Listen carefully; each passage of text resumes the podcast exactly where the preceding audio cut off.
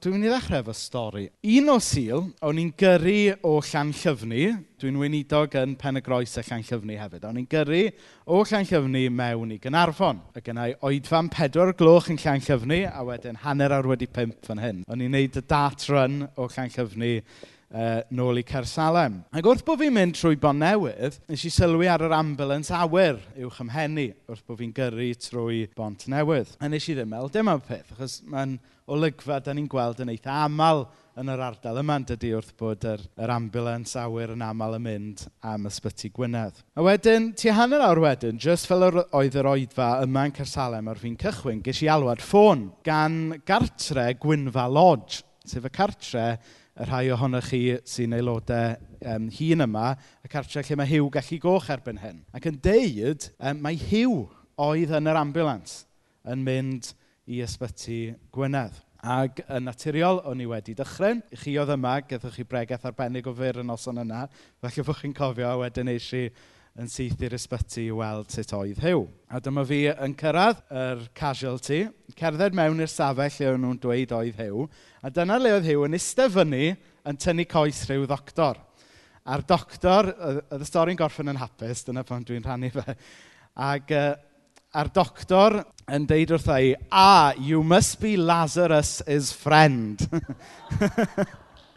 A ti'n siwr oedd y doctor ddim yn deall fel beth oedd yn implied yn y comment yna.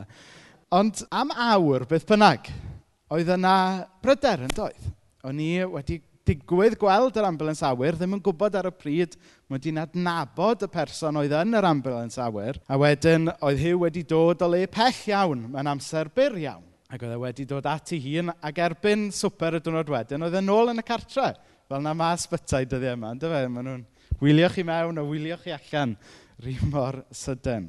Ond beth bynnag, am yr awr yna, oedd yna urgency yn doedd. Oedd yna argyfwng. Oedd hiw angen sylw ac oedd angen gofal nawr. Oedd dim oedd aros ychydig funudau hyd yn oed. Oedd e angen sylw.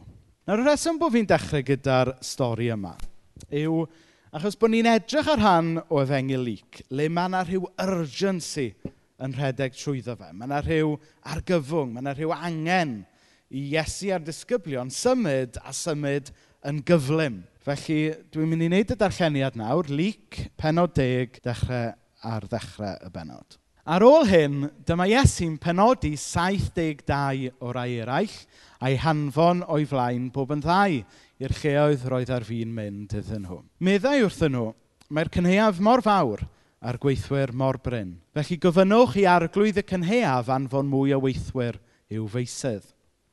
Ewch, dwi'n eich anfon chi allan fel wyn i ganol pac o fleiddiaid. Peidiwch mynd â ffwrs na bag teithio na sandalau gyda chi, a pheidiwch stopio i gyfarch neb ar y ffordd. Pan ewch i mewn i gartre rhywun, gyfynnwch i ddiw fendithio'r cartre hwnnw, cyn gwneud unrhyw beth arall. Os oes rhywun yna sy'n agored i dderbyn y fendith, bydd yn cael ei fendithio. Ond os oes neb, bydd y fendith yn dod yn ôl ato chi. Peidiwch symud o gwmpas o un tir llall a rhoswch yn yr un lle, gan fwyta gyfed bydd bynnag sy'n cael ei roi o'ch blaen chi. Mae gweithwyr yn heiddi ei gyflog. Os byddwch yn cael croeso mewn rhyw dref, bwytwch beth bynnag sy'n cael ei roi o'ch blaen chi. Ewch ati i achau y rhai sy'n glaf yno, a dweud wrthyn nhw, Mae Duw ar fi'n dod i deyrnasu. Ond os ewch mewn i ryw dref heb gael dim croeso yno, ewch allan i'w strydoedd a dweud, dyn ni'n sychu chwch eich tref chi i ffwrdd o ein traed ni, fel arwydd yn eich erbyn chi. Ond gallwch fod yn reit siŵr o hyn bod Dyw ar fi'n dod i deyrnasu. Wir i chi, bydd hi'n well ar Sodom ar ddydd y farn nag ar y dref honno. Nawr mae'r darn yma o efengelic sydd gyda ni bore yma, mae e'n helpu ni feddwl trwy y, y thema sydd gyda ni fel eglwys tymor yma, sef be mae e'n olygu ni fod yn eglwys genhadol. A mae'r testyn yma yn dod â'r peth i'r berw fel petai, yn dydy? Mae e'n dod â fe i'r top, y cwestiwn yma, bod tenas ddiw gerllaw a bod yna alwad arno ni fel disgyblion ni Iesu i rannu y newyddion yma. Ac Y peth cyntaf ni'n gweld yw fod Iesu yn penodi 70 o bobl i fynd o gwmpas y gwaith yma. Ond mae yna arwydd o cad i'r 70. Mae i chi'r geeks, mae rhai Beible'n dweud 72, mae rhai'n dweud 70. Gewch chi fynd i googlo am hwnna eich hun, so fi'n mynd i borio chi efo hwnna bore yma. Ond mae'r o gwmpas y 70 yn arwydd y cael. Achos 70 o bobl nath Moses benodi i arwain y bobl allan o'r aifft, a 70 o bobl mae Iesu nawr yn galw i arwen pobl i ryddid gwell, i ryddid yn heirnas ddew. Hefyd, yn yr amser yma, oedd yn y diwylliant iddewig, oedd pobl yn meddwl mai 70 o genhedloedd oedd yn y byd. Mi oedd yna lot mwy na hynny, ond Oedden nhw'n meddwl mai 70 o genhedloedd oedd yn y byd. Felly oedd e'n symbolaidd bod yna fel 70 o bobl wedi penodi er mwyn sort of tanlinellu bod y neges yma i fynd allan i bawb o bob iaith, o bob gwlad trwy y byd. So 70 o bobl. Ond oedden nhw'n mynd allan fesul 2. A dwi am aros am hyn ar fynd. Achos pan da ni'n gallu me- pan da ni'n meddwl am rhannu'r newyddion da am Iesu Grist um, mewn gair neu weithred, da chi'n meddwl, gosh, sut dwi'n mynd i chi wneud hwn ar ben fy hun? Sut, mae hwn yn ormod o beth. Sut ydw i? Wel, good news i chi, dyw Iesu ddim yn disgwyl i chi wneud e ar ben eich hun. Er bod yna, wrth gwrs, cyfrifoldeb arna ni rannu yn ffydd ym mhob sefyllfa, ond y model mae Iesu yn setio lan fel hyn yw fod yn rhywbeth da ni'n neud mewn partneriaeth efo'n gilydd, efo pobl eraill. A mae yna rheswm da dros hyn. Nawr, mae yna rhesymau ymarferol yn does. Mae pethau wastad yn haws pan chi'n neud e gyda dau berson. O'n i'n gweld Gweno a Bethan yn cario byrddau trwyddo ar y dechrau ac o'n i fel dyn hopeless yn ystod nôl a jyst yn watcho chi. Ond be bynnag am hynny, oedd, yna bartneriaeth. Oedd Bethan a Gweno Ac tywed, tas y ti gwenno, no offence, yn trio cario'r byrdd ar ben y hun, Wel, sut ti'n mynd medru? Fes yna lanas, fes chdi wedi syrthio. Fes yna clutch bang wallop. Ond, ond, mewn partneriaeth, oeddech chi'n gallu cario y byrddau gyda'ch gilydd. So, so mae yna jyst ystyriaeth ymarferol. Ond mae yna rhywbeth lot fwy dwys yn mynd ymlaen fan hyn hefyd. Nawr, pan o'n i'n ysgol, o'n i'n neud maths. Dwi'n gwybod bod yna ex athro maths yma. Ac o'n i ddim yn dda iawn mewn maths. Sorry. O ie, dau cyn athro maths. Yeah. Dwi'n teimlo fe, really under pressure nawr. ond o'n i'n hopeless y maths. Ond o'n i'n on ddigon swisio o'n i wybod bod un ac un yn gwneud dau. Ond, dydy hynna ddim yn wir. Mae thraw y maths yn deud cerwydd wrthych chi. Chos mewn termau ysbrydol, mae un ac un, hwn bach yn cheesy, Mewn termau ysbrydol mae un ac un actually yn ei tri. Mae rhywbeth lot fwy profound yn digwydd pan mae yna ddau gristion yn dod at ei gilydd i wneud rhywbeth. Ac i ni'n um, gweld rheswm pam fan hyn. Pan mae dau neu dri sy'n perthyn i mi wedi dod at ei gilydd, dwi yna gyda nhw. Chi dyna pan mae Iesu yn annog i ddisgyblion ni mynd allan fesul dau, ie, falle bod na'r yr ochr ymarferol, strength in numbers, ond mae yna rhywbeth fwy profound hefyd. Chos pan mae yna dau gristion gyda'i gilydd yn gwneud rhywbeth, yna mae'r trydydd person yna hefyd, sef Dyw ei hun. So pan i ni y meddwl ynglyn â'n gwaith ni fel Cresnogion, bod ni cofio bod ni yna gyda'n gilydd. Nawr mae hwnna'n gallu gweithio ar bob lefel. Falle bod chi'n meddwl mae chi yw'r unig Gristion yn eich, yn eich lle gwaith chi. Wel, sut ych chi'n gwybod hwnna fel ffaith? Dwi'n gwybod er enghraifft, chydig flynyddoedd yn ôl, nath rhai Cresnogion oedd yn gweithio i'r cyngor sir, nath nhw drefnu rhyw gyfarfod gweddi, do, er mwyn sort of, adnabod Cresnogion eraill yn eich lle gwaith. Felly, os ych chi'n bobl ifanc a, a mewn mae chi yw'r unig gristion yn y coleg. A mae'n anodd dydy pan mae chi yw'r unig gristion yn y sefyllfa, yn yr ysgol, yn y coleg neu beth bynnag. Wel, chwiliwch am o leia un Cristion arall allwch chi rannu gyda a byw bywyd gyda. Nawr mae'n amlwg fod na urgency fel o'n i'n dweud. Mae Iesu'n galw ar y pobl yma i fynd allan gyda'r newyddion da i gyhoeddi fod teirnas ddew gerllaw. Mae yna urgency, mae e'n neges frys, ond dydy hwnna ddim yn golygu bod nhw'n fyrbwyll yn y ffordd maen nhw'n rhannu'r neges. Nawr dwi eisiau aros efo hwn am fynyd. I ni'n gweld yn adnod pedwar fod e'n frys. Peidiwch mynd o ffwrs, na bag teithio, na sandalau gyda chi. Peidiwch stopio i gyferch neb ar y ffordd. Be fydde hwn yn edrych fel yn y diwylliant ni? Peidiwch mynd a'ch iPhone efo chi, na'ch man bag, na'ch trainers New Balance. Peidiwch stopio i checio eich status Facebook. Just go.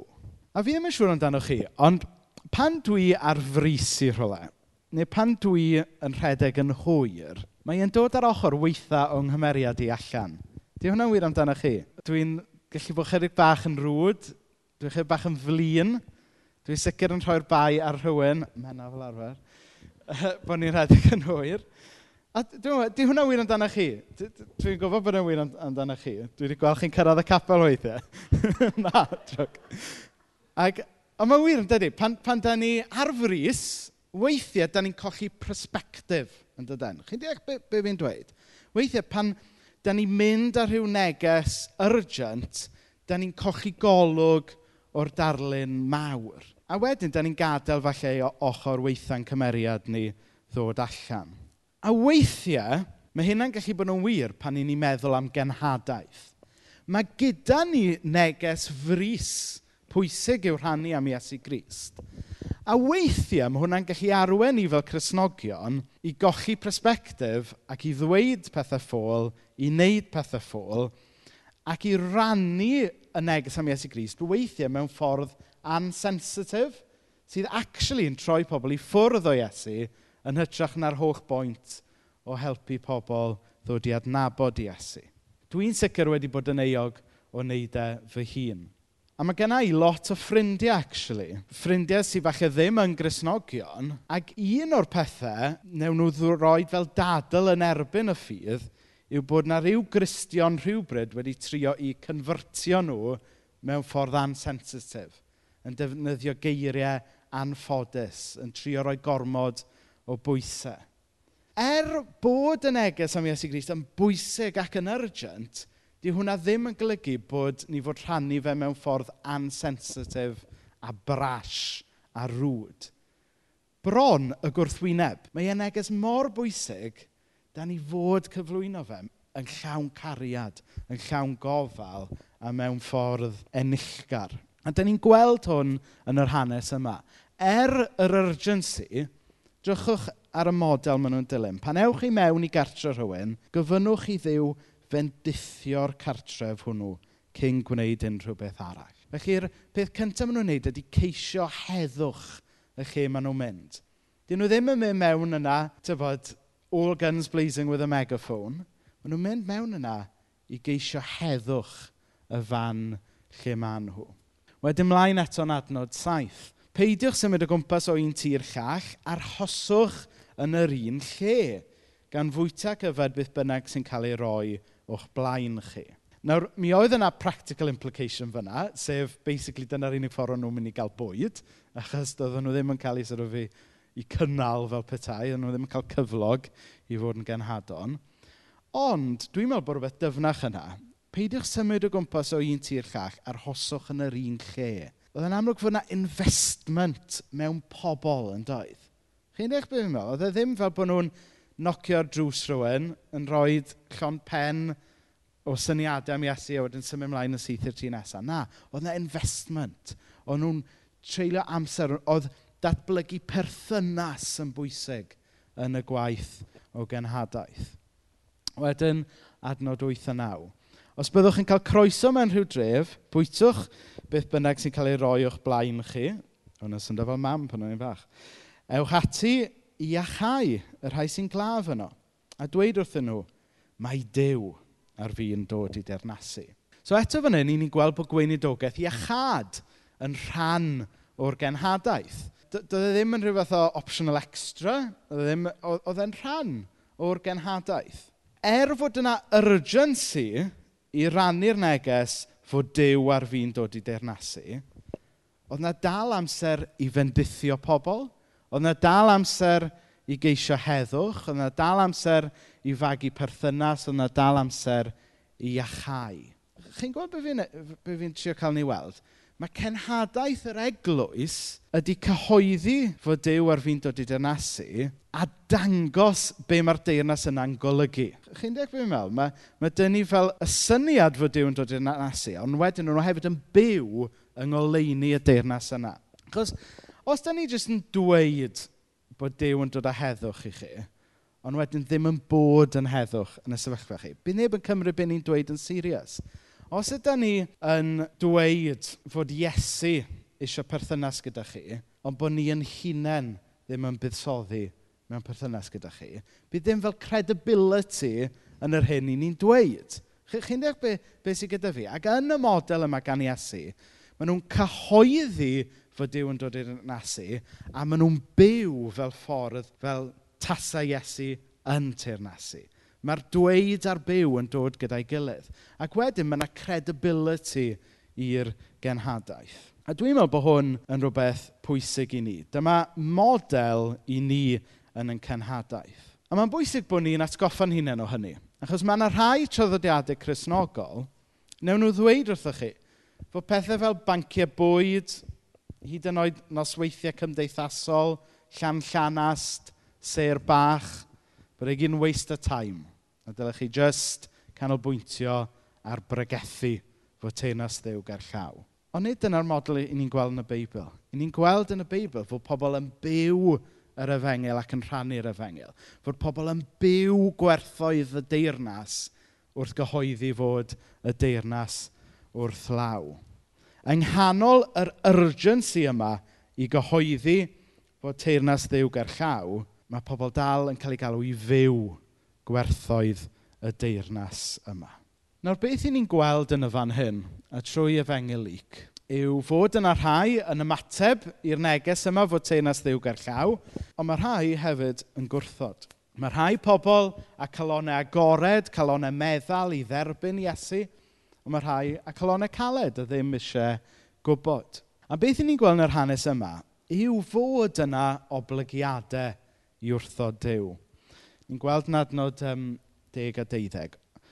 Ond os ewch mewn i ryw dref heb gael dim croeso yno, ewch allan i'w strydoedd a dweud, dyn ni'n sychu llwch eich tref chi i ffwrdd o ddiar ein traed ni, fel arwydd yn eich erbyn chi. So oedd hwnna'n rhyw, yn y diwylliant y ddewig, oedd e Oedd hwnna'n rhyw fath o symbol Bo... So os, oeddech chi'n mynd i'r lefel am hir, pan o'ch chi'n gadael, oeddech chi'n sort of tapio'r dwst y lle yna oedd ar eich sandals chi cyn mynd ymlaen. Fel rhywbeth arwydd, tyfo, you're dead to me kind of thing, bod fi ddim eisiau dim byd i wneud. Ond gallwch fod yn reit siŵr o hyn bod Dyw ar fi'n dod i dernasu. Wir i chi, bydd hi'n well ar Sodom ar ddydd y farn nag ar y dref honno. Nawr, Oedd dinas Sodom yn yr Hen Testament, oedd hi'n ddinas ddrwg, oedd wedi dewis drygioni yn hytrach na dewis goleini dew ac wedyn fe ddath barn ar y ddinas yna. A mae'r darn yma'n atgoffa ni fod yna oblygiadau i wrthod dew. Dwi ddim yn pregethu am hyn yn aml, dyma un o wendidau fi, a dyma feirniadaeth dwi'n derbyn gan rai yw bod fi ddim yn pregethu digon am oblygiadau gwrthod dew in my defence, dwi'n pregethu yno fe pan mae'n codi yn y Beibl, a mae'n codi yn y Beibl nawr. Mae Dyw wedi rhoi ewyllus rydd i ni. Mae Dyw eisiau ni i dderbyn e. Mae Dyw eisiau perthynas gyda ni. Ond dyw e ddim yn gorfodi i hun arno ni. Achos mae cariad sy'n gorfodi hun ar rywun, dyw e ddim yn cariad go iawn, nag yw e? Mae Dyw eisiau ni gari fan. Dwi e ddim yn gorfodi i gariad arno ni. Felly, yn ei gynllun mawr e, i ni ddim cweith yn deall, i ni yn gallu gwrthod Dyw. Ond mae yna oblygiadau i wrthod Dyw. Nawr, i ni'n gweld hwnna'n implaid yn yr um, adnod ola yna. Wir i chi, bydd hi'n well ar Sodom ar ddydd y farn nag ar y dref honno. Nawr, yn draddodiadol, mae pobl wedi darllen yr adnod yna fel cyfeiriad at effern. Fod pobl y dref yma, achos bod nhw wedi gwrthod y newyddion da am Iesu, bod nhw'n mynd syth ar eu pen i uffern. Ac yn draddodiadol, mae'r mae syniad yma o uffern wedi cael ei ddefnyddio yn fy marn i fel rhyw fath o fygythiad seicolegol er mwyn trio cael pobl i gredu. Ond y peth ydy, ydy'r defnyddio uffern fel bygythiad seicolegol yn meithrin y fath o ffydd mae Iesu Grist yn ei geisio? Meddyliwch am y peth am fyned. Hynny yw, mae Iesu Grist eisiau perthynas efo ni achos bod ni eisiau fe. Nid, nid achos bod Iesu'n rhyw second choice achos bod ni ddim eisiau mynd i'r rhywle arall. Chi'n deall beth sydd gyda fi? Mae gwrtho Dyw yn real a mae e'n serious. Ond pan ni'n meddwl am genhadaeth, mae rhaid ni fod yn ofalus bod ni ddim yn cam ddefnyddio'r syniad yma wrtho Dyw ag uffern fel ffordd o ddwy'n pwysau seicolegol ar bobl. Achos dwi ddim yn meddwl bod hynna'n arwen i wir ffydd.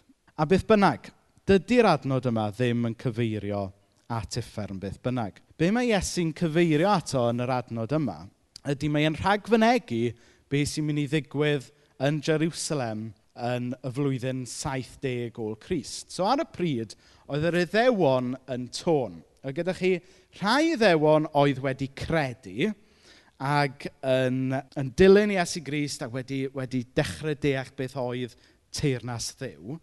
Ond y gyda chi rhai iddewon oedd ddim rili'n really licio'r syniad yma o ddilyn rhyw so-called brenin oedd yn reidio ar asyn ac oedd yn, mynd, yn y diwedd mynd i gael ei ladd gan y rhyfeiniad. Oedd nhw eisiau brenin oedd mynd i arwen nhw i rhyw fath o gwrthryfel a rhyfel yn erbyn y rhyfeiniad. Oedden nhw eisiau rhyw fath o Owain Glyndŵr ffigur neu William Wallace ffigur er mwyn ennill rhyddid iddyn nhw. Ond y Iesu'n dweud na, dim dyna fy ffordd i. Dwi yn mynd ffordd y deyrnas, ffordd heddwch, ffordd le ni'n bendithio pobl. A felly, beth oedd Iesu'n dweud? Oedd e'n rhybuddio nhw, os i chi'n dewis llwybr arall, mae yna farn mynd i ddod yn debyg i Sodom a Gomora. A fe ddath y farn yna erbyn y flwyddyn 70 o'r Crist wrth i'r ymerodraeth Rufeinig ramsacio Jerusalem a, a nath y ddinas a'r deml llosgu i'r llawr jyst fel oedd Sodom a Gomora. Hynny yw, oedd pobl wedi gwrthod Dyw a dyma oedd y canlyniad. Fe gathen nhw gyfle i ddewis ffordd Iesu Grist, ond nath nhw ddewis ffordd rhyfel yn lle. A dyma oedd y canlyniad. A mae yna ganlyniadau i ni ar bob lefel i wrthod Dyw. Nawr dwi am orffen efo hyn. Does dim byd fwy pwysig na'r cwestiwn o le ni'n sefyll gyda Dyw. Mae Dyw yn sefydlu teirnas, a mae'r deirnas yma'n deirnas dda. Le mae yna heddwch le mae yna fendith, le mae yna iachad. A mae'r Beibl yn dweud yn y diwedd bod Iesu hun mynd i sychu bob deigryn a bydd dim poen a bydd dim arwolaeth. Mae hon yn deyrnas hyfryd i berthyn iddi. Ond mae rhaid i ni ymateb i'r gwahoddiad yma mewn ffydd. Mae rhaid i ni ddewis dod yn blant yn y deyrnas yma. A mae yn benderfyniad mae rhai pobl jyst yn rhoi on hold, falle. Felly, dwi'n eitha mwynhau bywyd ar hyn o bryd. So, okay, I get the message, ond dwi jyst eisiau byw bywyd chydig bach gyntaf. Mae pobl eraill yn meddwl, wel, mae hwnna'n siwtio ti, ond actually, dyw e ddim yn siwtio fi, dwi'n mynd i fyw bywyd mewn ffordd arall. Ond beth i ni'n gweld o'r hanes yma yw bod yna urgency ni ymateb i'r gwahoddiad i fod yn blant yn heirnas Dyw. A dwi jyst am orffen bore yma efo'r stori yma. Stori ydy o nes i glywed gan fy nhad-cu. Oedd tad-cu yn weinidog yn Cwm Tawe, um, lawr yn De Cymru. De Cymru'n bell iawn i chi gog, dwi'n dwi, gwybod. Pan eithon ni i, um, pan eithon ni i llanw i criciaeth, cofio Siaren yn gofyn ydy ni wedi cyrraedd De Cymru. Fel na, ddim gweud Siaren bach. Ond mae De Cymru'n bell i ffwrdd. A oedd, oedd tad cu oedd e'n weinidog yn Cwm Tawe diwedd y 50au a, a hanner cyntaf 60au. Oedd e'n weinidog ifanc. Ac oedd e'n eistedd lawr rhyw amser cynio yn y mans i fwyta i ginio. Ac yn sydyn reit dyma daro mawr, mwy, mwy difrifol na hynny, ar y drws. Ta ci'n gwybod straight away, just, just ar sail urgency y noc, bod yna rhywbeth mawr o'i le.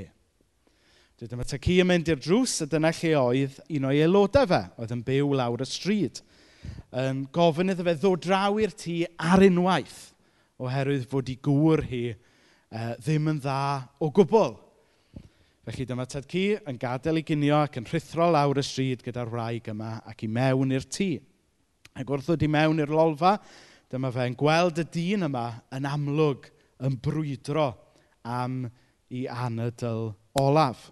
Nawr, chy bach o gyd-destun i chi, oedd y wraig yma yn gristion. Mi oedd hi yn aelod yn y capel le oedd Tyci yn weinidog. Ond oedd ei gŵr hi yn wahanol. Oedd ei gŵr hi, fel lot o ddynion y cymoedd yn y cyfnod yna, oedd e'n gomiwnydd o argyhoeddiad. Oedd e'n comiwnist. Ac nid yn unig hynny, ond oedd e'n full-on comiwnist. So fel rhan o hynna hefyd, mi oedd e um, yn atheist o argyhoeddiad hefyd. Oedd e ddim yn credu dim byd.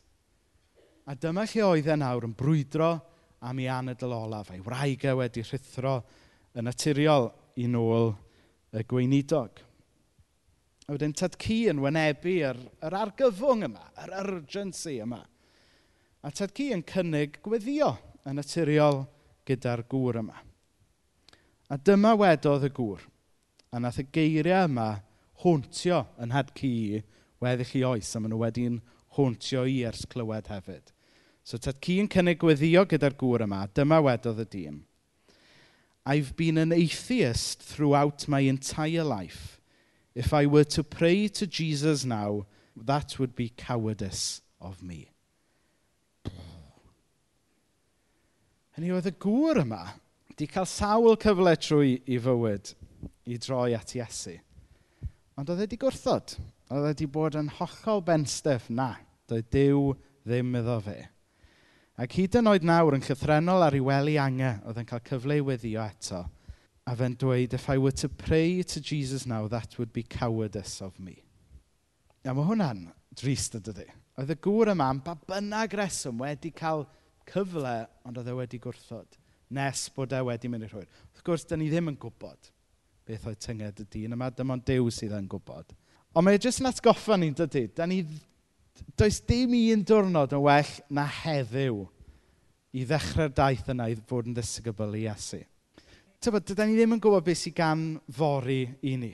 Na dan. Dydyn ni ddim yn gwybod beth sy'n gan wythnos nesaf. Dydyn ni ddim yn gwybod beth sy'n gan blwyddyn nesaf. Does dim un diwrnod yn well na heddiw i droi at Iesu.